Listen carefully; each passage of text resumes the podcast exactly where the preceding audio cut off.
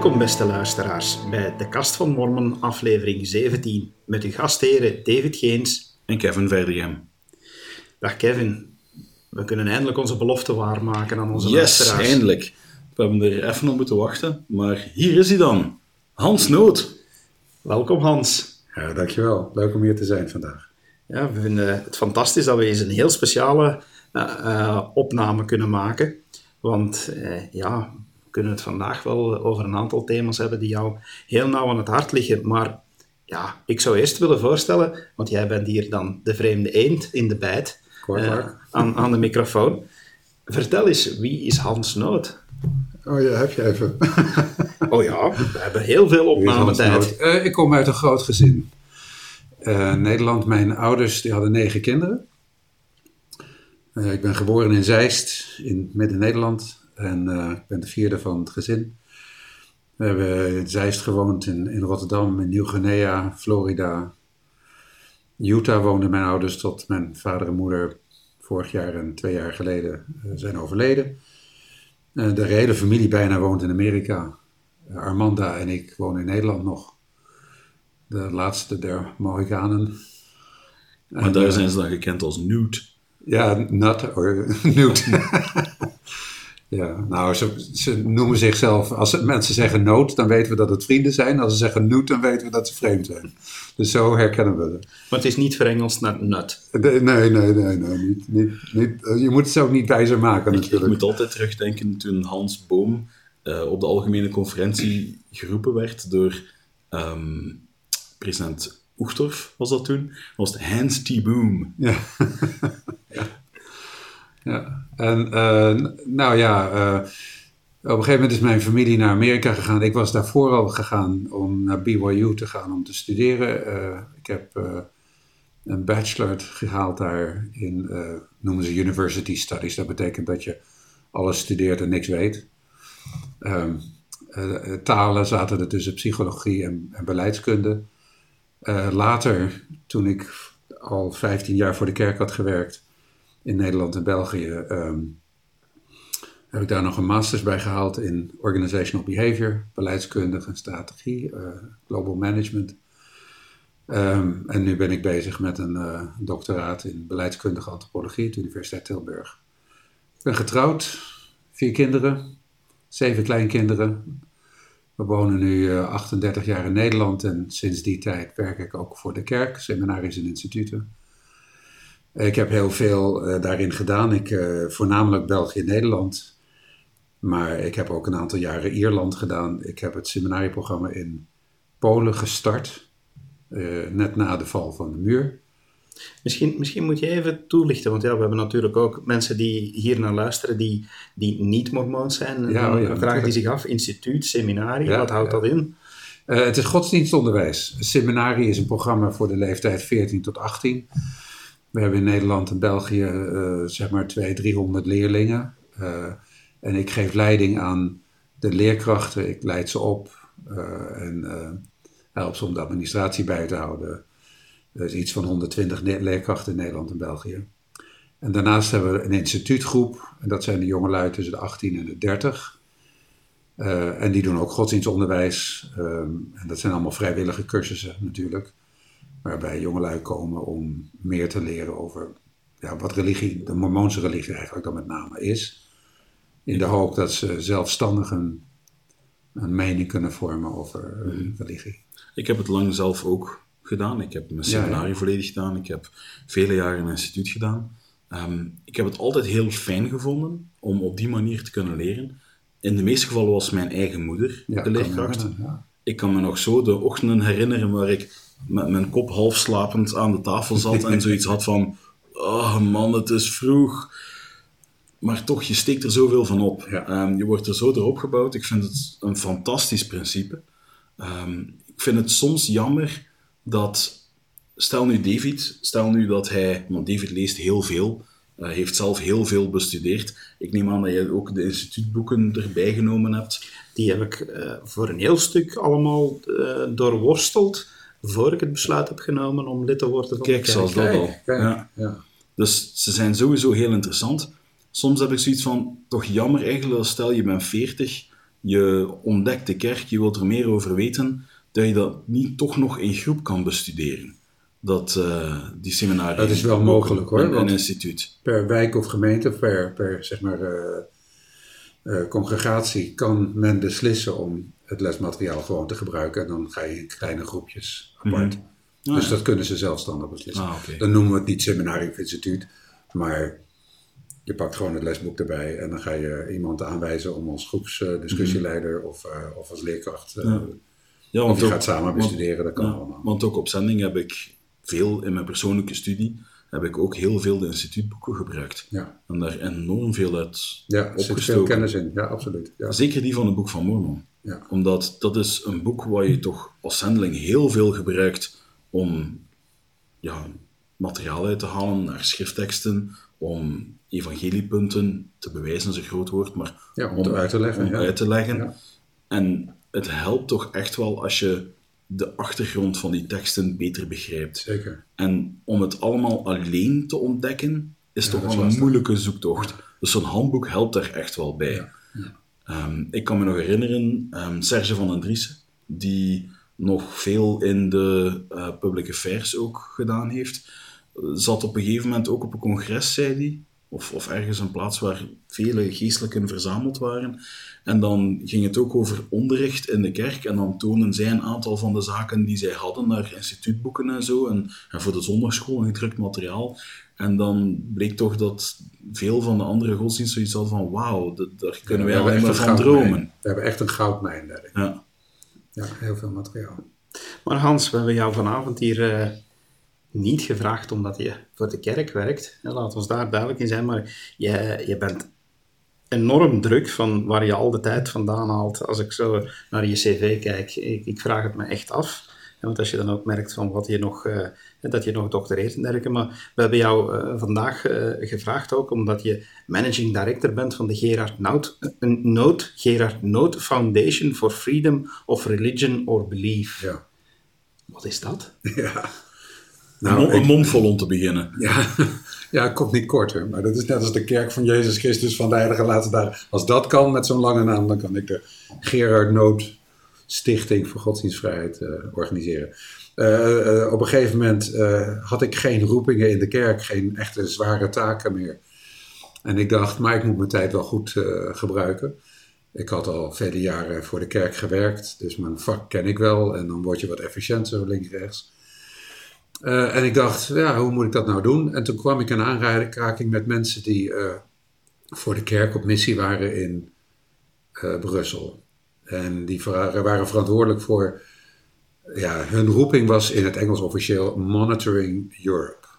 Dat wil zeggen, ze moesten gewoon even kijken, ze moesten in de gaten blijven houden wat er nou in Europa speelde als het ging om ja, de politiek en, en de economie en ook mensenrechten en ze raakten verzeild in allerlei dingen. Je, je, spreekt van zending, ik neem aan dat dit oudere mensen zijn. Oudere mensen. Ja, oké. Okay. We spreken niet van de jonge gasten die ons Nee, dit waren echt experts en ja, mensen die okay. wisten hoe de hazen lopen, zeg maar. Ja.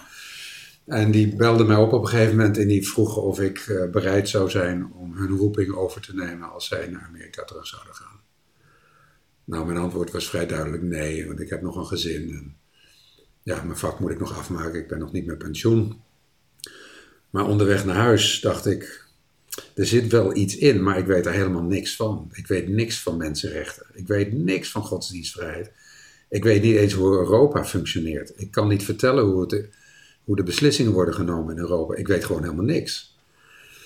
Um, maar ik kreeg wel een hele duidelijke ingeving dat ik er iets mee moest doen. Dus ik begon erover na te denken. Op een gegeven moment in de tempel zit je dan en dan krijg je daar ja, wat inspiratie erover. En ik kreeg op een gegeven moment een heel duidelijk beeld dat ik daar echt iets mee moest doen. En dat ik invloed moest uitoefenen op uh, Europa, eerst in de eerste instantie, maar over godsdienstvrijheid. Maar ik wist niet hoe. Uh, ik wist niet wat het betekende. Ik zag alleen dat ik betrokken was. Daarin, in de toekomst. Um, ik, ben, ik heb dat echtpaar opnieuw gecontacteerd. Ik heb gezegd, ik wil wel wat doen. Maar ik moet eerst getraind worden. Ik weet niet hoe het werkt. Nou ja, van het een komt het ander. Ze sturen me naar conferenties, naar, naar symposia en dergelijke. Dus je leert een beetje wat er speelt, zo links en rechts. Dan leer je mensen kennen, je gaat je netwerk vergroten, het wordt steeds groter, groter, groter. Tot ik op een gegeven moment merkte dat er een bepaalde groepering was waar ik niet binnen kon komen. En dat was dan het Europees Parlement en de Europese Commissie. De grote jongens die de beslissingen nemen. En toen dacht ik, nou, de enige manier om daar binnen te komen is om te, door te vertellen dat je een opleiding doet, dat je een studie doet daarin. Dus ik heb me ingeschreven, eerst in de, uh, University of uh, uh, kom in Engeland. Cambridge? Canterbury. Canterbury University. Mhm. En die hadden een dependance in, in Brussel. En ik heb me daar ingeschreven om een doktersgraad te doen, zodat ik in ieder geval kon zeggen tegen iedereen: zo van, kijk, ik ben dit onderzoek aan het doen. En dan op die manier kun je heel makkelijk binnenkomen, meer leren hoe het allemaal werkt. Ik, het was niet mijn bedoeling om te beïnvloeden, het was mijn bedoeling om te leren hoe het werkte. Maar als uh, promovendus kom je makkelijker binnen dan als, zeg maar, godsdienstige of, of wat het NGO of wat dan ook. Uh, dus dat was de reden waarom ik ging studeren. Mm um, nou ben ik van nature nieuwsgierig, dus dat was het issue niet. Het ging me niet om de graad, het ging me echt om de studie en de, en de invalshoek. Maar op een gegeven moment begon ik zoveel te gaan doen in die mensenrechten. dat het nu echt om de mensenrechten ging. En die, en die studie die ging een beetje op de achtergrond. En toen werd het verplaatst naar de Leiden Universiteit. En nu zit ik op de, of de, eerste Tilburg Universiteit. Nu doe ik het op de Leidse Universiteit.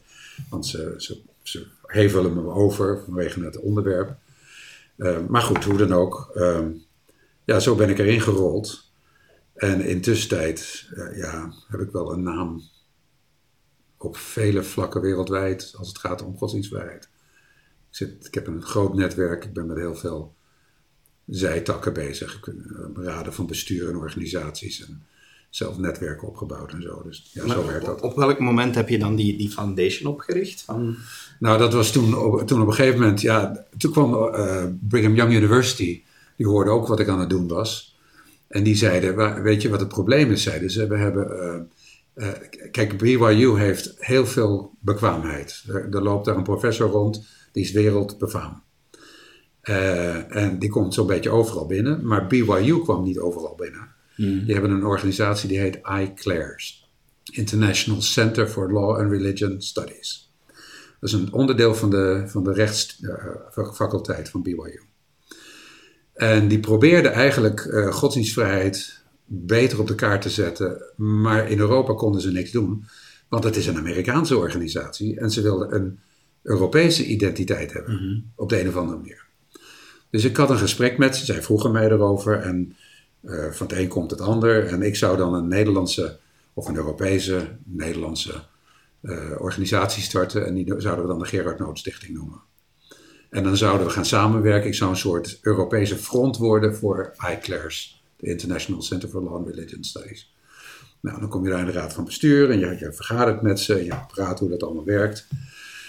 En toen kwam ik in mijn geschiedenis van mijn, van mijn voorouders kwam ik een verhaal tegen uh, vanuit mijn genealogie van een zekere Gerard Noot. Mm Geschreven met N-O-O-D-T, overigens, niet met een T. Uh, die, is familie maar die, die D-foto is er uiteindelijk uitgegaan. Nee, het is, het is wel familie, maar het is een zijtak. Het is een Belgische zijtak. Een Belgische zijtak, oké. gedeeltelijk Belgische zijtak, Gent. Um, uh, maar, en, en die zijn later eh, zijn ze in Nederland terechtgekomen. Enfin. En die Gerard Noot die heeft een hele belangrijke rol gespeeld in de Nederlandse uh, juridische, in, de, in de wetgeving in de 16e, 17e eeuw. En die is begonnen eigenlijk in de strijd tussen de, de reformanten als je dat woord nog kent, en de Calvinisten. De reformanten, de protestanten dan? Of? Protestantse reformanten, ja. Dus we hadden de, de Calvinisten en de, de Arminianen of de reformanten. Mhm. En die hadden ruzie onder elkaar over het idee dat uh, is God nou almachtig tot het niveau dat uh, hij alles bepaald heeft? Of, volgens de reformanten, heeft God ons individueel verantwoordelijkheden gegeven? Mhm. In het eerste geval, de Calvinisten, ja, God is zo machtig, hij heeft alles bepaald. Dat is typisch voor het Calvinisme uiteindelijk. Dat is echt Calvinisme, ja. Dat is predestinatie, mhm. voorbestemming. En die zeggen, God is al zo machtig dat hij alles al bepaald heeft. Maar die reformanten die zeiden, ja, als dat, zo, als dat nou waar is, dan is God ook verantwoordelijk voor alle schuld. Mhm. Want hij heeft alles bepaald. Dus ook de schuld. En dat konden ze niet verkroppen. Dus er, er ontstond oorlog in Nederland over dat onderwerp. In de tijd dat we eh, streden tegen Philips II uit Spanje. Die 80-jarige oorlog. Waarop koning Willem III zei van, eh, dat moeten we stoppen. Van nu af aan, eh, iedereen moet Calvinist worden. En de reformanten stoppen we in de gevangenis. De Arminianen, de reformanten. Nou, in die strijd kwam... Oh, sorry dat ik even onderbreek. De ehm, Lutheranen kwamen voor de Calvinisten, toch? Nee, ja, Lutheranen kwamen voor de Calvinisten. En daar zijn dan de Calvinisten uit ja, verder nou, de Calvinisten kwamen uit eh, eh, Zwitserland. Ja. Jo- Johannes Calvijn is een Zwitser. Het is een andere tak van protestantisme, maar het was ongeveer in diezelfde periode. Net na Luther eigenlijk. Ja. Oké, ja. Luther heeft wel een, een vonk gegeven daar. Want mijn geschiedenisles daarover zit ver bij mij. Ja, nee, dat kan me voorstellen. Niet iedereen kent die geschiedenis. Eh, zelfs in Nederland niet hoor, in het protestantisme niet. Dus het, het, ga je goed. Maar goed, in die strijd eh, kwam eh, Gerard Noot en die zei: Weet je, dit is eigenlijk niet een religieuze kwestie. Maar hij is jurist. Hij, eh, was, hij doseerde op de universiteit, eh, de Radboud Universiteit in Nijmegen. Net voordat de Fransen overigens eh, de stad binnenvielen.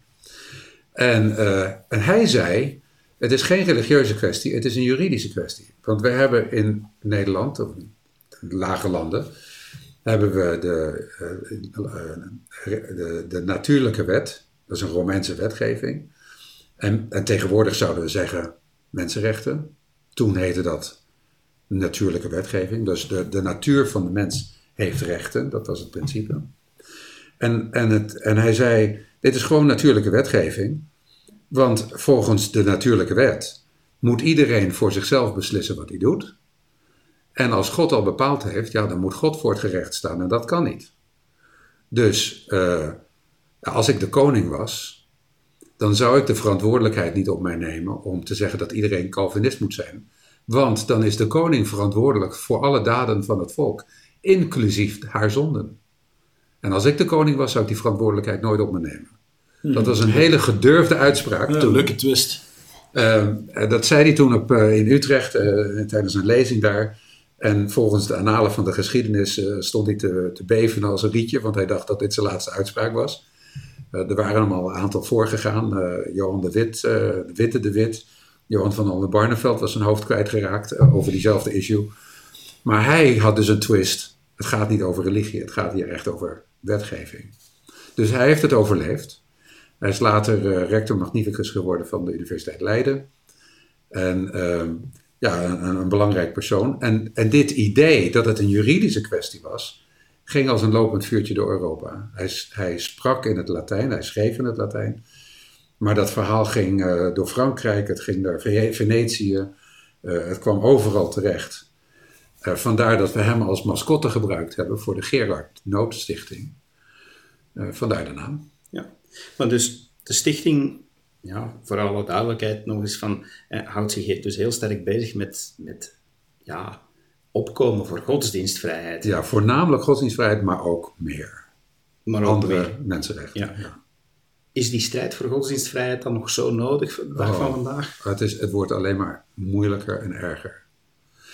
Er is een enorme strijd eh, geleverd.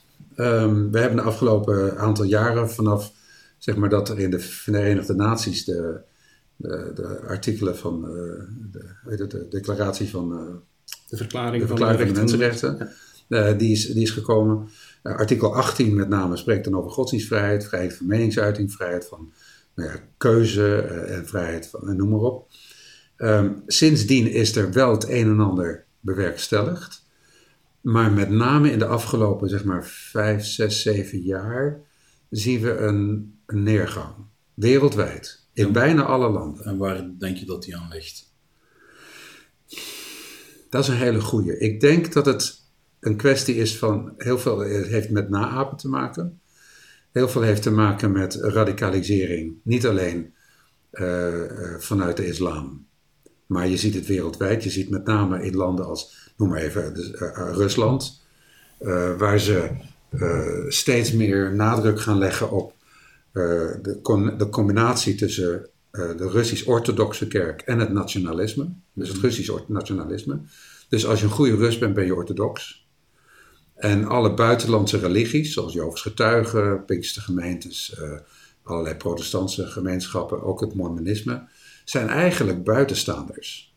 En worden zowel door de Russische staat als wel door uh, Russisch-orthodoxe kerk als, als gevaarlijk voor de cultuur van het Russisme, uh, voor, het, voor de Russen mm -hmm. gezien.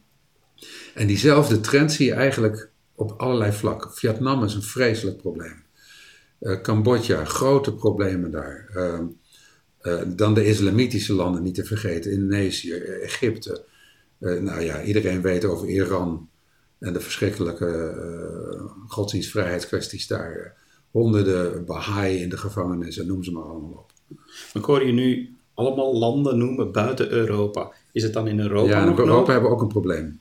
Noem bijvoorbeeld, nou, we hebben nationalisme in Oostenrijk. Dat heeft effecten op godsdienstvrijheid. Met name is de ervaring dat hoe, rechts, hoe meer rechts een uh, volk is, hoe minder ze geïnteresseerd zijn in diversiteit van religie. Um, uh, noem Frankrijk, waarbij um, ja, de, de natuur van de Fransman in de afgelopen zeg maar 100, 200 jaar, laat het zo even noemen, is, uh, ja, je hebt laïcité met als bedoeling dat er scheiding zou bestaan tussen kerk en staat. Maar dat is aan het ver veranderen naar niet alleen de ontreligiëring van, van het land, maar een haat tegen religies van het land. Ja, dat hebben wij hier ook. En in, in België hebben we dat ook, een beetje, een beetje. Ja, maar dat gaat wel meer die kant op. Maar in Frankrijk zijn ze hiervoor. Ja, want in, in die zin van, ja, je hoort inderdaad, ik heb wat onderzoek gedaan en dan, dan merk je inderdaad dat, dat ook hier, uh, en met hier bedoel ik zowel in Nederland als, als in, in België, dat dat toch ook begint te spelen. En dan een argument dat ik zo vaak hoor in, in heel veel artikelen die ik van de afgelopen maanden heb gevonden, want het is opmerkelijk hoe het inderdaad zelfs de afgelopen maanden, vind ik, in het publieke debat naar voren komt in de media, mm-hmm. is, is, dat je ziet het argument van, oké, okay, maar godsdienstvrijheid, dat moeten we niet langer als afzonderlijk argument in de grondwet, want dat wordt toch al gedekt door de vrije meningsuiting. Is een, een, is een argument dat ik ook voornamelijk hier in België heb gevonden, maar is dat ook een argument dat meer in andere Europese landen Nee, dat is een nieuwe voor mij, um, dat argument. Maar dat zal niet lang stand kunnen houden, want het is gewoon niet waar. Uh, vrijheid van meningsuiting is inderdaad de basis, ja. Maar het gaat niet alleen om het uiten van de mening, het gaat over het hebben en het beleven van de mening. Mm -hmm. En het gaat over het vermogen om van religie te kunnen wisselen. En om een baan te vinden als je bijvoorbeeld niet katholiek bent of Luthers of, of in welk land je dan ook zit. Nee. Dus godsdienstvrijheid gaat, als je het tot het extreme drijft, dan is godsdienstvrijheid zelfs het respect hebben voor het feit dat een ander een andere mening heeft, tot het niveau dat je bereid bent om, zelfs als je het er niet mee eens bent, dat respect te verdedigen. Ja. En zover zijn we nog lang niet. Nee, dat merk ik toch ook wel. Je hebt, ik kom het zo vaak tegen dat mensen die zichzelf als atheïstisch bestempelen, precies op een, een kweeste zijn om echt tegen godsdienst ja. in te gaan. Ja. Om niet tevreden te zijn met het feit dat er een scheiding is tussen kerk en staat, maar echt, het, zoals je zelf ook al het vernietigen van het religie. vernietigen van religie. Ja. Ze stellen zich niet tevreden met wij doen ons ding, jullie doen jullie ding. Het is echt van, nee, nee, wij hebben, zeker in Vlaanderen, hè, de, de kerk, daarmee wordt dan de Rooms-Katholieke Kerk bedoeld, heeft er honderden jaren, zo niet veel langer, de plak gezwaaid en de arme mens werd maar onder de, Druk, ja. onderdrukt. Ehm, en, en nu is het onze beurt. Zo voelt het soms aan. Ja, en dat is waar. En er zijn eigenlijk eh, twee of drie trends die je daarin kan zien. Eén is de opkomst van het atheïsme of het agnosticisme zou ik bijna zeggen. Want het is- atheïsme is eigenlijk het tegen God zijn. Ja. Maar je kunt niet tegen God zijn als je hem niet kent. Agnostisch meer, ik weet het zo ik niet. weet het niet. Ja. En er zijn dus heel veel mensen die, die, die hebben als mening dat, er, dat ze niet weten of er een God is. Eh, vaak noemen ze ietsisten of het zijn mensen die gewoon helemaal geen religieuze gevoelens of opvoeding hebben. En dat kan, dat is, dat is allemaal prima. Maar die strijden dan inderdaad tegen eh, deze kwestie. Maar die komen we nu tegen, met name bij de humanisten. Die hebben een hele sterke eh, lobby daarin. En die strijden nu voor de vrijheid van het humanisme. Want die begrijpen nu, is steeds meer de trend, dat zo als je godsdienstvrijheid bestrijdt, bestrijd je daarmee ook het humanisme en, en het atheïsme. Mhm. En die mensen die komen zichzelf nu met name erg tegen. Ik heb veel contacten met die mensen.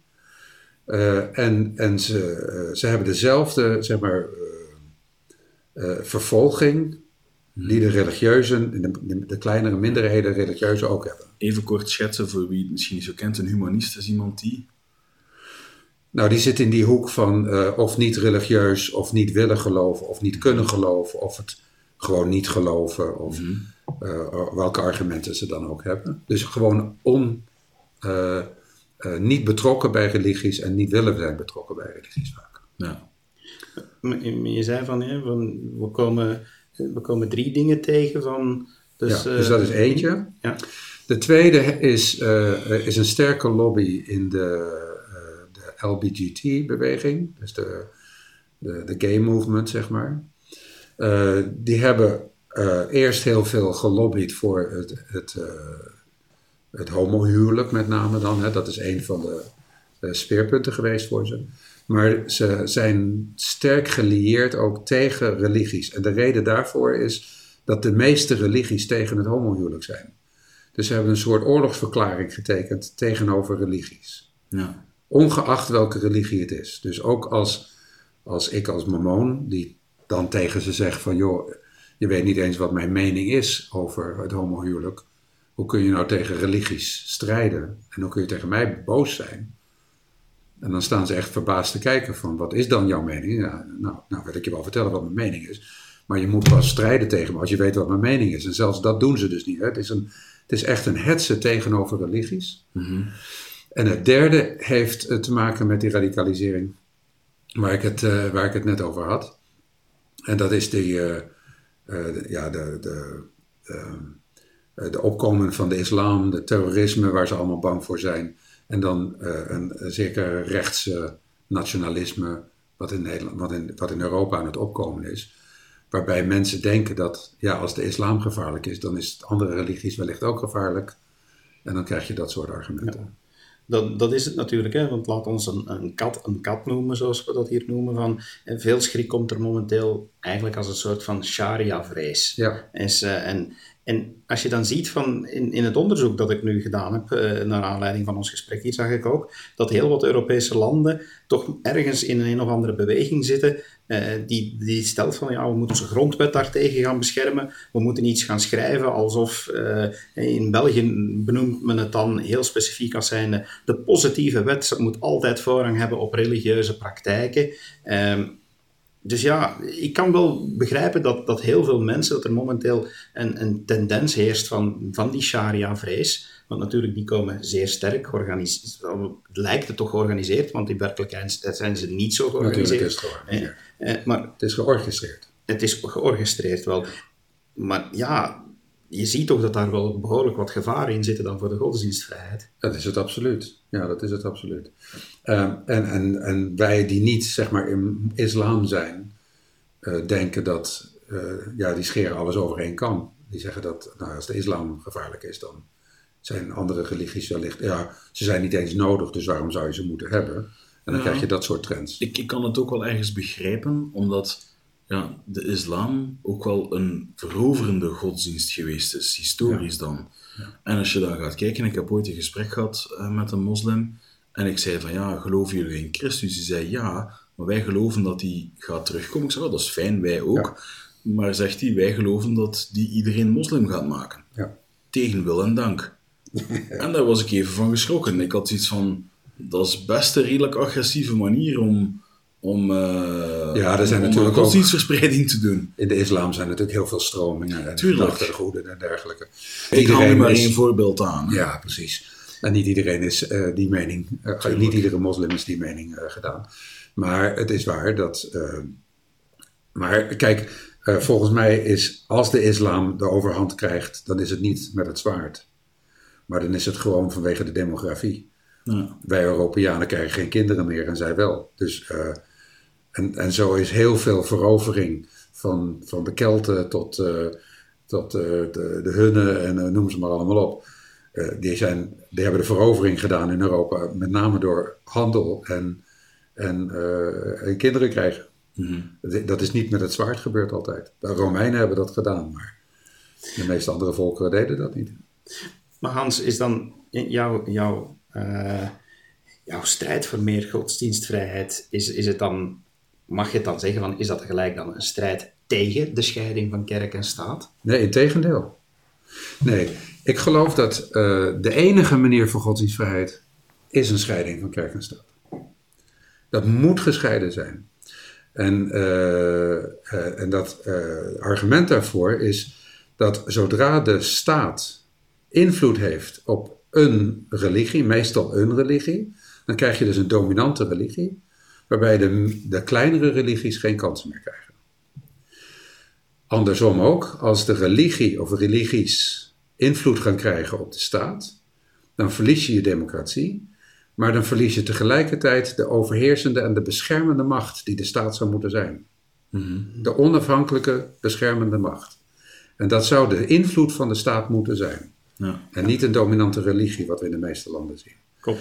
Maar wil dat dan ook zeggen dat geloof geen rol mag spelen in het publieke leven? Van, hè, want dat is, dat is een argument ook van de vrijzinnigen, of humanisten zoals je ze wil noemen, is van dat de scheiding van kerk en staat inhoudt dat religie helemaal privé moet zijn en dus nooit een rol mag spelen in het openbaar ambt of, of in de res publica, om het, eh, om het zo te noemen. En, maar, maar dit gaat nu zover dat men dat argument zelfs gebruikt om gelovigen de mond te snoeren. Hè, bijvoorbeeld wanneer ze deelnemen aan het publieke debat, eh, als we zouden zeggen van kijk, ik ben tegen abortus, om, net omdat ik geloof in het leven, omdat dat ja, vanuit mijn geloof komt, ja, dan zegt men van, ja, dat argument telt niet mee, want het, het gaat omwille van geloof.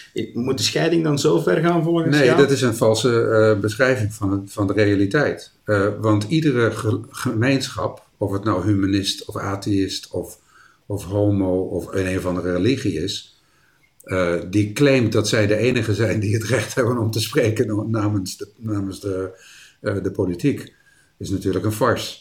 Met andere woorden, eh, eh, natuurlijk moeten religies invloed hebben op de samenleving. Dat is hun taak onder andere. Dat zou, hun, dat zou de plicht van iedere groepering moeten zijn. Maar dat wil niet zeggen dat ze invloed moeten uitoefenen op bijvoorbeeld justitie. En dat zou niet moeten betekenen dat ze druk gaan zetten op eh, de politiek, want dat moet een democratie kunnen blijven. Ehm, dus ja, daar ligt eigenlijk eh, waar de strijd ligt. Ben je dan tegen lobby's? Van- Nee, je moet een lobbyen. Van een godsdienst? Nee, je moet lobbyen, maar je moet geen druk uitoefenen op, eh, op, eh, op de politiek. Je moet bij je, bij je volk blijven. Maar het is perfect mogelijk wel dat iemand zegt van kijk, ik ben gelovig en ik ga in de politiek. En als ik in de politiek zit, zal ik handelen ook namens de dingen waar ik in geloof. Natuurlijk, als individu moet hij dat ook doen. Volgens zijn geweten moet hij volgens zijn geweten handelen.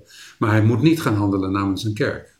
En dat, daar, gaat, daar ligt bij mij het verschil. Hm, vind ik een heel mooi duidelijk, duidelijk argument, want dat is iets waar, dat je, waar dat momenteel heel veel wordt rondgezeverd en gepalaverd. Ja, het is in mijn geval is dat ook zo. Ik, ik ben natuurlijk mormon. Maar ik zal nooit claimen dat ik de mormoonse kerk vertegenwoordig. Nog sterker, er zijn elementen van mijn mening die niet passen binnen het mormonisme. Eh, en ik claim het recht om dat ook zo te houden. Maar zelfs al zou ik exact hetzelfde geloven als zeg maar, de algemene beleid van de Mormoonse kerk, zou ik die niet willen vertegenwoordigen in de noodstichting. Want dat moet een neutrale identiteit blijven. Ja. Dat kan ik heel goed begrijpen. Om, om eens dan even een zijsprong te maken van ehm, wat dat ik ook vaak tegenkwam in, in deze discussie, die, die toch wel heel sterk leeft. Ik denk dat sommige mensen niet beseffen van dat, dat godsdienstvrijheid momenteel zo onder druk staat in onze eigen contraien. Ehm, waar als je begint dingen op te zoeken in de media, dan zie je ook van dat bijvoorbeeld godsdienst, het vak godsdienst, enorm wordt aangevallen. Dat er dus enorm wordt ge- gestreden nu van, oké, godsdienst, dat hoort niet thuis op scholen. Van, ehm, is, is dat ook iets wat, eh, wat, wat je in andere landen momenteel onder druk ziet staan? Ja, dat speelt in heel veel landen. Met name in de, zeg maar de katholiek beïnvloede landen, als ik het zo mag noemen, Zuid-Europa, en met name dan hè, vanaf uh, België zeg maar, naar het zuiden toe, Italië, Portugal en, en, en, Spanje en zo. Daar zie je die discussie heel erg veel spelen. Uh, mijn opinie daarover, over het algemeen, en dat ligt per land, want, want dat heeft ook met individuele landen te maken, maar mijn, mijn mening is, je, het zou goed zijn als op scholen onderwijs wordt gegeven over religies, let wel. Dus dat men begrip voor elkaar gaat krijgen. Ik zou het noemen godsdienstvrijheidsonderwijs of godsdienstbegriponderwijs. En wat mij betreft gaan alle maatschappelijke stromingen daar, vallen daaronder. Dus ook de, de genoemde homobewegingen en, en humanistische bewegingen. Daar moet je begrip voor ontwikkelen. Uh, en, en alle religies, daar moet je begrip voor ontwikkelen voordat je een mening kunt uiten. Maar in mijn ogen is de, is de school niet de plaats om iemand te leren over zijn religie. In mijn ogen moet daar, daar moet je je scheiding houden tussen godsdienst uh, en staat.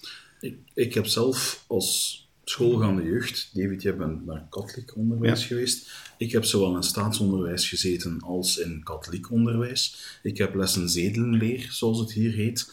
Um, dat eigenlijk ja, de, de, stroming is voor de vrijzinnigen dan, als ik het goed heb, David. Um, heb ik gehad, waarin dat je algemene waarden en normen Prima, onderricht ja. wordt. Dat was in het staatsonderwijs. Wanneer ik in het katholiek onderwijs zat, dan krijg je er godsdienstles daar heb je geen keuze van wat je doet. Ja. Maar dan merkte ik dat er bitter weinig godsdienstonderricht werd, dan wel hoe gaan we als maatschappij samen om met bepaalde thema's. Prima. Dat kon van seksualiteit tot geweld, tot ehm, allerlei thematische onderwerpen. En zo werd dat naar voren gebracht. Ik heb eigenlijk nooit in een les godsdienst gezeten waar dan effectief de Bijbel erbij gehaald werd en gezegd werd van catechisme, nooit gehad. Voor jou was dat misschien anders, David. Nee, nee, nee. En ik ben heel blij, Hans, om het, om het jou zo te zeggen, want ik ben diezelfde mening toegedaan. Ik vind van, jongens, ja, als je inderdaad denkt van dat nog bepaalde godsdiensten worden ingelepeld, ja, dat mag gerust stoppen. En, en wederom van, zeker ook begrijp ik ook daar weer, wat ik daar straks de sharia-vrees noemde, dat dat eh, via scholen nog veel sterker zou ingelabeld worden. Maar ja, dat is dan een punt waar ik dan eigenlijk ook een argument van, uh, van de vrijzinnigen een beetje tegen hen ga gebruiken, is waar ze zeggen van, oké, ja, je mag kinderen daar niet mee indoctrineren.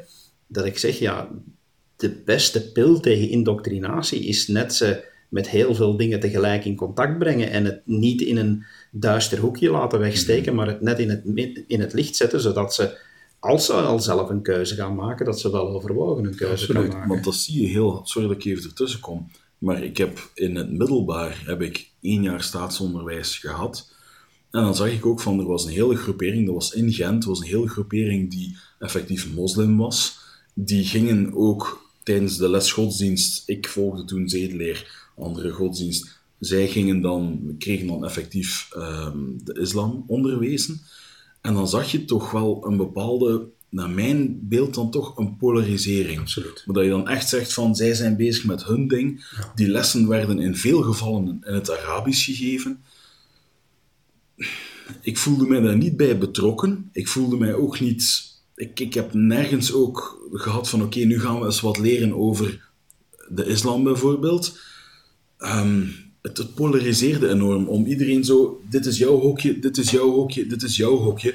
Als je het inderdaad, zoals David zegt, meer veralgemeent en zegt, nu gaan we eens, we gaan wat meer leren over het boeddhisme. En ook de rol in de geschiedenis daarvan. Dat kan een beetje samengaan dus, met de les Dus met andere woorden, niks fout aan een klas die, nee. die op bezoek gaat in een moskee.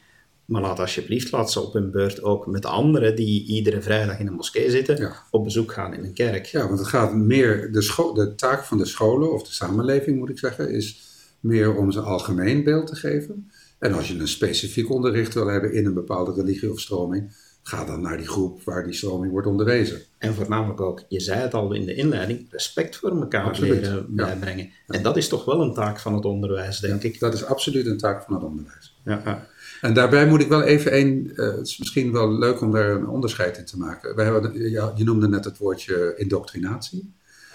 Uh, belangrijk om te weten dat je niet kunt niet indoctrineren.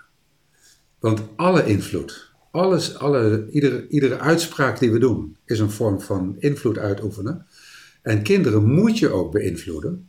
Want je kunt een kind niet neutraal opvoeden. Anders ben je niet aan het opvoeden. Anders ben je niet aan het opvoeden. Dus dat geldt ook voor de scholen, dat geldt ook voor ouders. Eh, Ik hoor wel eens ouders zeggen: Ik wil mijn kind neutraal opvoeden.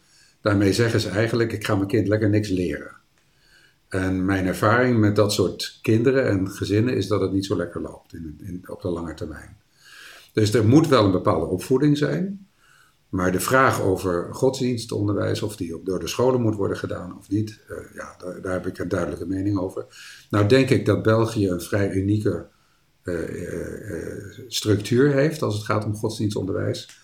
Omdat, ik geloof, vijf verschillende religies worden onderwezen op de scholen, officieel dan, hè? Eh, tenminste volgens de, de statuten.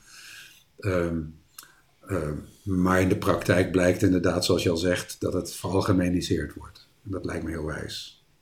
Toch in de lessen die ik meegemaakt heb. Ja, Maar ik denk dat we voor diegenen die opkomen voor godsdienstvrijheid, dat, die, dat het ook logisch is dat je opkomt om, om, dat, om dat soort respect voor elkaar onder, op te brengen en, en van elkaar te leren. Dat we daar Ja. pro moeten zijn en, en zeker niet tegen. En ook onze, onze raakvlakken vinden. ja natuurlijk. Dat is zo een, ehm, ja, build on common ground. Bouw op, op wat je gemeenschappelijk hebt. Heb je een geloof in een God die van je houdt, laat dat dan iets zijn waar je samen in verheugt. En er zijn in alle religies zijn zoveel overeenkomsten. Daar, Ja. Dat is niet zo moeilijk. Ik heb, we hebben ooit met de jongvolwassenen bij ons in de ring, zijn wij in Sint-Niklaas ergens een moskee gaan bezoeken en hebben daar een heel fijn gesprek gehad ehm, met eh, iemand daar lokaal. Ik weet niet of het eh, de imam zelf was. Volgens mij was ik daarbij. Dat zou kunnen. Ja. Ja, dat kan wel. Eh, en dan werden we ook getoond van, kijk, zo wassen we, ritueel, Ja, daarom doen we het. En dan de discussie die achteraf kwam, bleek eigenlijk dat er verrassend veel gelijkenissen waren tussen het mormonisme en de islam. Ja. En dat quasi elk verschil te herleiden valt naar het geloof van ons dat Christus de Zoon van God was en dat voor de moslims Christus louter een profeet was. En elk verschil, quasi elk verschil, kan je naar dat herleiden. Ja. En dat, ik had dat toen ervaren als een redelijk gematigd, ehm, een gematigde islam. Ehm, als ik soms hoor nu hoe sommige mensen de sharia ehm, willen eisen, hoe ze erop staan van nee, die moeten hoofddoek dragen en echt moeten, moeten, moeten, moeten, moeten, dan is dat ten eerste heel polariserend en twee, dat komt zo agressief over dat ik denk dat veel mensen zoiets hebben van ik voel me hier totaal niet mee verbonden en er een afschuw van hebben. Oké, maar dat kom je niet alleen bij de islam tegen. Nee, hè. Dat ik is- geef dat nu als voorbeeld. Ja, Ja, precies. Dan krijg je iedere, Ik mag het inderdaad niet... iedere hoofdreligie in een land eh, veroorzaakt dat soort dingen. Ik vind, je Ik- vindt ik- in iedere religie Tuurlijk. fundamentalisten. Ik kwam, nu, ik kwam nu, moet ik het zeggen, waar ik persoonlijk al ervaringen mee gehad heb, haalde ik even aan. Zoals jullie het zelf ook zeggen, daar ben ik volledig mee akkoord. Dat kom je in elke religie tegen. Je hebt overal, ook bij ons in de kerk, heb je mensen, veelal ja, een aantal afgescheurde kerken van onze kerk bestaan, juist omdat ze het ja, veel extremer zagen en gewoon ja, eh, mensen die zeiden van nee, de volgende profeet moet een nakomeling zijn van Jozef Smit. En hup, je had Ja, ineens een afscheuring. Radicalisering. Radicalisering, inderdaad. Het bestaat ook bij ons. We hebben in een van onze vorige podcasts nog een boek aangehaald van een, eh, een dame die bij een extreem, ehm, ja, echt een extremistische mormoon opgegroeid was. En haar verhaal daar rond. Eh Dave heeft dat boek gelezen, was een, een heel aanrader, weet je. Het boek eh, Leerschool, geschreven door eh Dr. Tara Westover. Daar hebben we inderdaad wel over gehad. Van. Maar het is, het is zoals Hans zei, van, van godsdienstvrijheid moet eigenlijk zo ver gaan dat diegenen die, die ervoor strijden ook effectief zich er willen voor, voor smijten om, om dat respect voor anderen te geven. Van, van, als je wil dat je in je eigen religie wordt gerespecteerd, dan kan je bijna toch niet anders dan, dan ook zeggen van dat je datzelfde recht aan iemand anders toekent. Van, En daar gaat het toch voor een heel stuk staat over. ook in onze geloofsartikelen. Hè? Staat het zelfs in onze geloofsartikelen van, voor mij persoonlijk, een van de vele redenen waarom ik, waarom ik eh, me zo aangetrokken voelde tot, eh, tot de kerk van Jezus Christus van de Heilige der Laatste Dagen.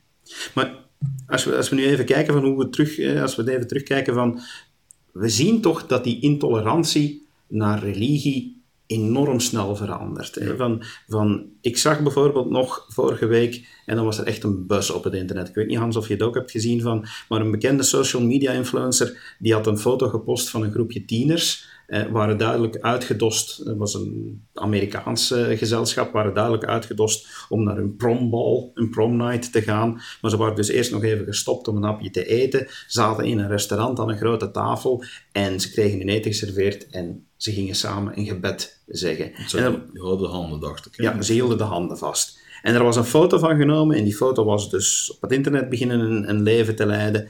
En ja, er kwamen enorm veel reacties op dat, dat mensen bidden in het openbaar aanstootgevend vinden. Van. En, en dus ja, is, is, dat dan, is dat nu echt een teken van, van die eh, strijd ook tegen godsdienstvrijheid, denk je? Dat klinkt als een Amerikaans verhaal. Kan dat kloppen? Dat was een Amerikaans verhaal, Ja. maar, maar de reacties waren ook in Europa, was door verschillende Europese kranten overgenomen. En dus ook de reacties die je dan op de forums of onder dat artikel leest, dan zie je toch ook dat heel veel mensen zeggen van ja, ik vind dat inderdaad niet kunnen, dat er een gebed in het openbaar, nee, eh, alles wat religie is, moet achter de voordeur van, van je huis blijven. Ja, nou, dat, dat is inderdaad een trend eh, die in Amerika begint. Als het gaat om deze eh, specifieke, eh, dit specifieke argument, is dat een Amerikaans argument. Wat overwaait naar andere landen, andere westerse landen moet ik zeggen. Want dat argument zou bijvoorbeeld in Oost-Europa niet werken. In, in, in Azië zou het niet werken. Dus het is meer een Amerikaans argument dan een een- dit West-Europees. is een Amerikaans argument. En Oh, dat- ik had dat net heeft- hier meer West- West-Europees Nee, dit specifieke argument, dit- je kunt niet in het openbaar bidden, is een Amerikaans argument. En van waar komt dat dan? Eh, ze zijn al een jaar of 15 bezig in Amerika om eh, alle publiekelijke eh, uitingen van religie, waar de staat iets mee te maken zou kunnen hebben, om die gewoon uit te bannen. Dus bijvoorbeeld gebeden in scholen, zelfs op religieuze scholen, willen ze verbannen. In veel, de meeste staten is dat al verbannen. Zelfs standbeelden van religieuze mensen willen ze niet in het openbaar zien. Eh, dat soort zeg maar ar- dingen, dat is echt Amerika, Verenigde Staten. Niet Amerika, Verenigde Maar Staten. dan komt het toch wel snel op, want ik heb Nou, wij hebben vergelijkbare verhalen gevonden. Wij hebben andere problemen. Wij hebben de hoofddoekjesaffaire, we hebben eh, kwesties over. Bijvoorbeeld, eh, een paar jaar geleden ben ik zelf betrokken geweest bij het stoppen van een, ehm, eh, een lobby die probeerde om alle onderwijs voor kleine kinderen in, in kerken te verbieden. Want je mag kleine kinderen niet indoctrineren. Dus bijvoorbeeld een jeugdwerk in een klas, in een, in een religie, moest verboden worden. Want kleine kinderen moet je beschermen tegen religie. Dat was bijna doorgekomen in, eh, in Brussel, het Europees Parlement. We hebben dat kunnen stoppen met heel veel handtekeningen. Dat gaat weer komen, die discussie, want dat zijn van die cycli. Hè. Dat komt na een tijdje komt dat weer terug en dan hebben ze een nieuw argument, hetzelfde principe. Dat soort dingen, daar hebben wij in Europa last van. Er zijn natuurlijk individuen die vinden dat je in het openbaar niet mag bidden. Maar dat is niet een echt Europese kwestie. Nee, oké, als je nou specifiek kijkt naar dat bidden in het openbaar, maar ik bedoel het als, als teken dat je ziet van het argument van oké, religie moet stoppen aan, Ja. aan je voordeur. Ja, dat, dat- zie je toch Die wel in trend is er wel. Ja, die trend is er wel. En, en ik zeg al, Frankrijk is een van de grote landen die daar echt voor strijdt, zeg maar. Ehm, en er zijn andere landen die dat volgen. Ja, in België is het nu bezig ook. België van- is de volgende en Duitsland is de volgende. Je kunt gewoon, je weet precies hoe ze allemaal lopen. Ja, want hier wil men de grondwet er zelfs voor gaan aanpassen. Ja, ja. Eh, eh, Hongarije is er ook eentje trouwens die eh, intensief daarmee bezig is. Oké. Dus ja, zeggen dat de strijd voor godsdienstvrijheid niet nodig is, Nee, eh, ik denk Nee, dat we al eh, heel wat voorbeelden hebben Er gegeven. is heel veel te doen en steeds meer. En er zijn momenten dat ik dacht, ik, moet, ik denk dat ik moet gewoon opgeven, want het zijn speldenknopjes wat ik, eh speldenprikjes wat ik aan het doen ben. Maar ja, goed, je gaat gewoon door, want je gelooft erin. Hans, jij zit ook in de Board of Directors for Human Rights Without Frontiers International. Ja. Sluit dat daarbij aan? Dan zeg je dan, is het net vanuit die bezorgdheid voor godsdienstvrijheid dat je ook zo bezorgd bent met die mensenrechten? Ja, ja. Ehm, kijk, eh, de noodstichting is voornamelijk gericht op eh, zeg maar godsdienstvrijheid. Maar je kunt de vrijheden, alle mensenrechten, kun je niet splitsen van elkaar. En in de, de reizen die ik gedaan heb en, en de dingen die ik eh, allemaal, eh, waar ik bij betrokken ben geweest, werd ik me steeds meer bewust dat godsdienstvrijheid is onderdeel van alle mensenrechten. Ik ben van mening dat het een van de kernonderdelen is. Maar goed, daar kun je over discussiëren. En, en waarom dan? Van, van, kan je dat even toelichten? Nou, uh, uh, zonder vrijheid van mening en vrijheid van godsdienst, vrijheid van het volgen van je eigen geweten, is er geen democratie. Is er geen wetgeving. Is er geen volgen van een staat. Dus daar ligt de grondslag. En dat heeft niet alleen met godsdienstvrijheid te maken. Het heeft te maken met alle vrijheden die te maken hebben met het volgen van je geweten. En het uiten daarvan. En het beleven daarvan. In zoverre het niet crimineel is. Ja, ik, als je kijkt naar waarom bepaalde wetten er zijn. De meeste stammen gewoon af van wat er vroeger was. Omwille van religie. En die wetten zijn dan aangepast.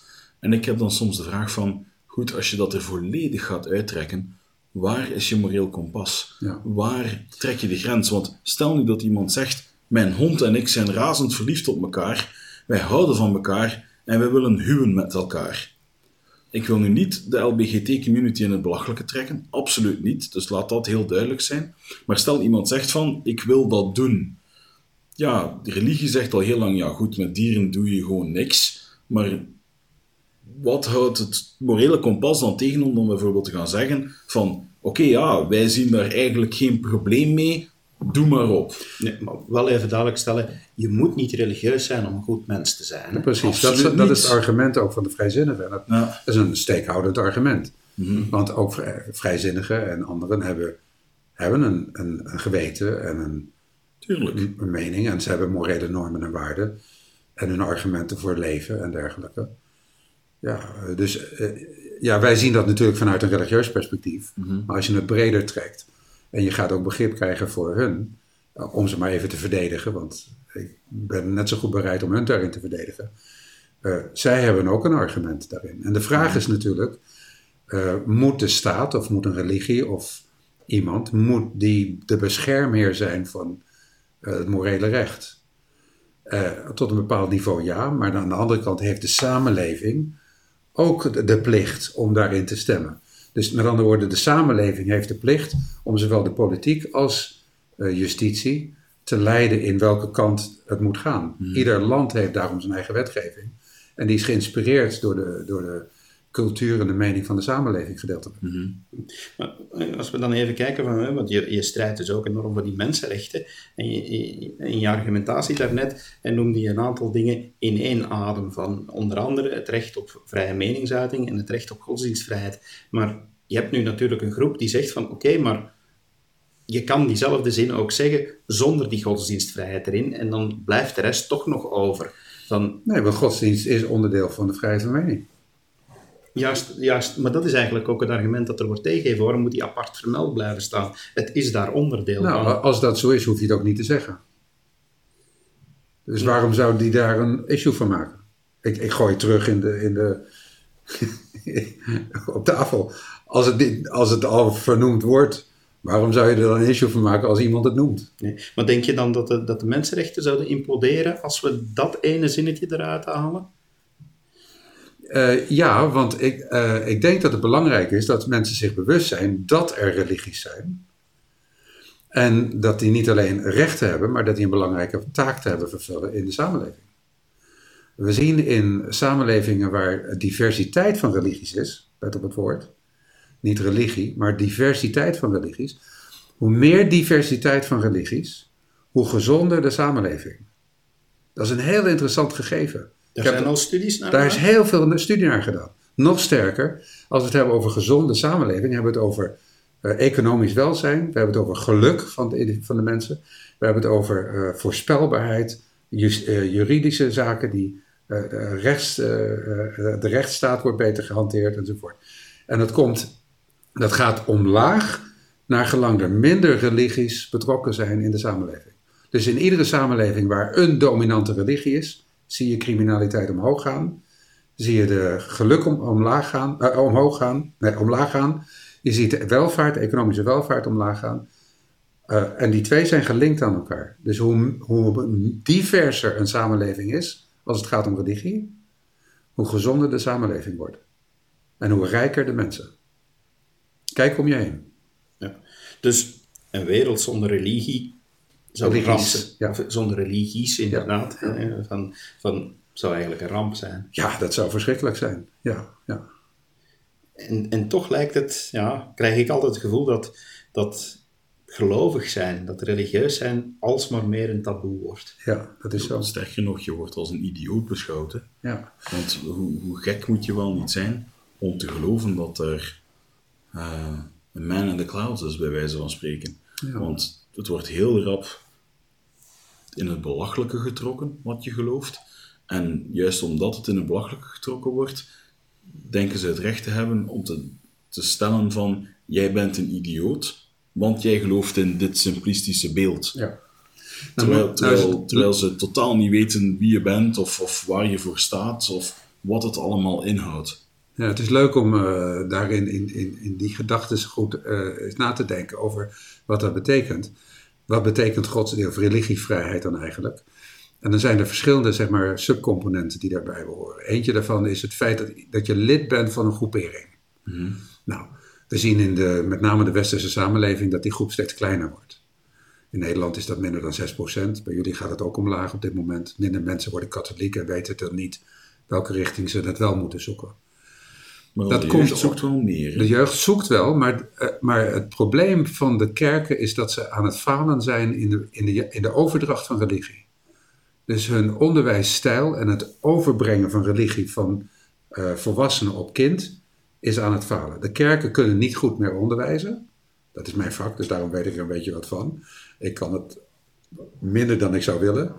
Dus ik, ik steek hand in eigen boezem. Eh, dus de kerken falen daarin. Eh, de ouders nemen het niet over. De scholen kunnen het niet. Zouden het ook niet moeten in mijn ogen. Politiek zeker niet. Dus hoe, leren, hoe leert de volgende generatie over religie? Als het gaat om doctrine, als het gaat om ethiek en al dat soort dingen. Internet. Ja, maar dan zouden de jongelui actief op het internet moeten zoeken. En die zoeken niet naar religie, over het algemeen. Eh, het tweede component is dat je wel een hele grote groep vindt in de samenleving van mensen die iets geloven, maar dan geen lid zijn van een groepering. Maar die- de vraag is, zijn die religieus? Ik zou zeggen ja. Maar ze zijn niet lid van een godsdienst. Eh, het feit dat ze een mening hebben, misschien hebben ze iets ervaren, een heel grote groep heeft iets ervaren over wat ze niet kunnen verklaren. Vaak noemen we, in Nederlands noemen we dat ietsisten. Ze geloven in iets, maar ze weten niet wat het is. Leuk woord. Ja, een ietsist. In Engels noemen ze het nuns. Dat zijn degenen die geen religie hebben. No religion, nun. Dat zijn niet de nonnetjes, maar degenen die geen religies hebben. Ehm, maar de ietsisten, die geloven dus wel in iets, zijn niet religi- een lid van een religie. Maar het feit dat ze iets mogen geloven is onderdeel van godsdienstvrijheid. Ja, natuurlijk. Ehm, en dan is er een groep, een relatief kleine groep met een hele grote mond, die actief zoekt naar diegenen die religieus zijn als zijnde lid van een groepering. En, en dat eh, als, eh, eh, als aanval nemen. Ja. Terwijl die tussengroep, waarbij heel veel mensen wel iets geloven, niet weten wat ze geloven, want het is niet goed onderwezen. Ja, die groep die zegt niks, want die hebben geen sterke argumentatie dan alleen maar die ervaringen die ze hebben. En die groep is relatief groot. Hans, wat is, wat is dan jouw advies voor, voor mensen die hier mee willen voor opkomen, die willen opkomen voor godsdienstvrijheid? Van hoe kunnen we ons scharen achter dit nobele doel? Stel dat we een luisteraar hebben die zegt, goh, ik wil me engageren. Die Hans Noot, ik wil hem wel bijstaan. Ja, eh, ze mogen me bellen, dan zoek ik wel wat. Want er zijn altijd wel dingen. Maar kijk, er zijn ook praktische dingen die je kunt doen eh, op school. Kun je die discussie aanzwengelen. Ehm, je kunt een, eh, het uitzoeken hoe het in elkaar zit. Je moet een mening vormen, daar begint het bij. Je kunt niet zomaar gepassioneerd gaan staan roepen.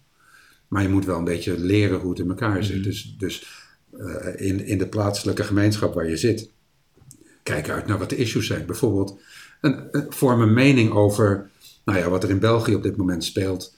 Uh, een, aantal dokt- een, een, groot aantal doktoren is betrokken geweest bij de, het actief besnijden van vrouwen. Dat is een semi-religieuze kwestie. Aan de ene kant is het medisch. Aan de andere kant is het religieus, want het gaat hier om een bepaalde groepering van de islam. Mm-hmm. Uh, het is tegen de wet. in België om het te doen. Nou, de doktoren voelen een gevoel van, ja, als ik het niet doe, dan doen die moslims het. En die kunnen het niet, want die zijn niet medisch geschoold. Dus dan kan ik het beter doen, maar die zitten ook met een gewetensconflict daarin, die, die, die artsen. Nou, dat is zo'n issue waarvan ik zeg van, nou, als, als je dat dan leest op het nieuws, uh, bekwaam je in de discussie, vorm een mening en ga kijken wat je kunt doen om daar actief wat mee te gaan doen. Maar het is een bredere discussie dan alleen maar godsdienstvrijheid of vrijheid van, van onderwijs op scholen of dergelijke. Je ziet bijna elke dag in de krant zie je wel issues die te maken hebben met mhm. mensenrechten. We hebben nu weer een hele influx bijvoorbeeld van, uh, het staat er nu aan te komen van vluchtelingen bijvoorbeeld. Uh, groot probleem. Als je heel ver wilt gaan in de vrijheden, dan zou je kunnen zeggen, weet je, ik ga geen dingen kopen van, uh, die, die geproduceerd zijn in landen waar, uh, waar mensen in slavernij zitten. Of ik ga wat extra betalen aan organisaties die bereid zijn om hun wat extra's te geven. Dan is het product een beetje duurder. Maar dan weet je dat. Weet je, dat, zijn, dat zijn allemaal dingen die met mensenrechten te maken hebben. Koop je merkkleding, kijk dan eens waar die merkkleding geproduceerd is. Is dat in India geproduceerd of in, in, in, uh, in China? Kijk eens naar wat voor productieprocessen ze gebruikt hebben. Nou, misschien zeg je dan op dat moment, weet je, dat is iets actief wat ik kan doen. Ik ga niet dat product kopen. Ik ga misschien zelfs tegen ageren. Dan ga je nog een stap verder. Maar het zijn dat soort dingen waarvan ook leden van de kerk die het heel druk hebben. Want we hebben allemaal roepingen en allemaal uh, drukke dingen enzovoort. We zijn, in, in, principe zijn we meer bezig met dingen in de kerk dan buiten de kerk. Mm Omdat we het zo druk hebben met al die roepingen. Maar toch, uh, misschien zijn er kleine dingetjes die je kunt doen. En, en bekwaam jezelf erin, leer hoe het werkt. Uh, bekwaam je in het onderwerp wat je interessant vindt en doe daar wat mee. Mm Dus voornamelijk uh, kunnen we zeggen van ook wel besef in de eerste plaats dat dit geen ver van je bedshow is. Dit is geen ver van de bedshow. Als je er echt actief bij betrokken wilt zijn, dan wordt het een ver van je bedshow. Want, want, of dan wordt, dat komt steeds dichterbij bedoel ik. Uh, want je gaat reizen, en je gaat uh, conferenties bezoeken en je gaat pre uh, presentaties geven en dergelijke.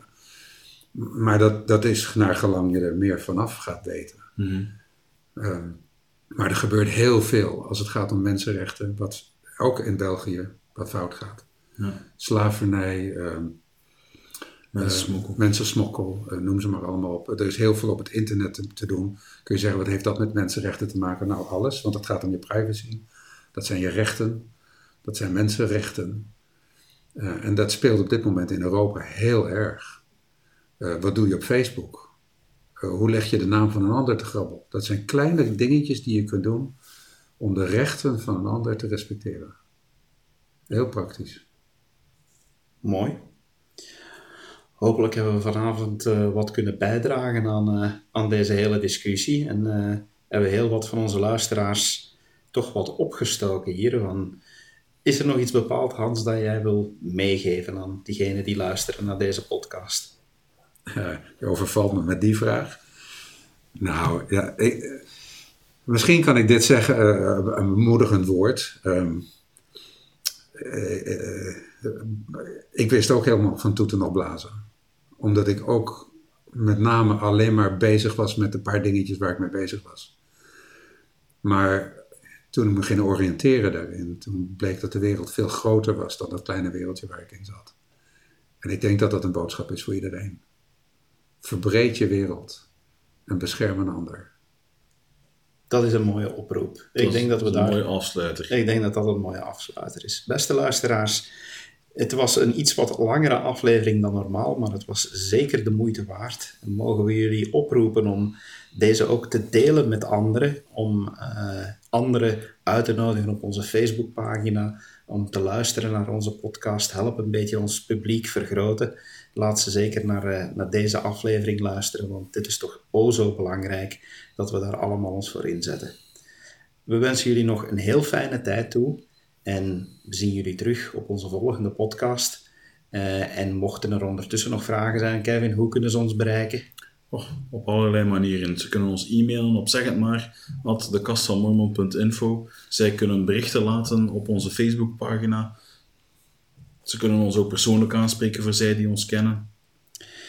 manieren genoeg om te vinden van, ook op Twitter zitten we, Ja. dus daar kan je ons ook vinden. Laat maar weten welke thema's jullie nog eh, interessant vinden en wij gaan wel op jacht naar de super interessante personen zoals we vanavond hadden. Hans, dank je wel dat je dit wilde doen. Graag gedaan. Het was fantastisch om jou erbij te hebben.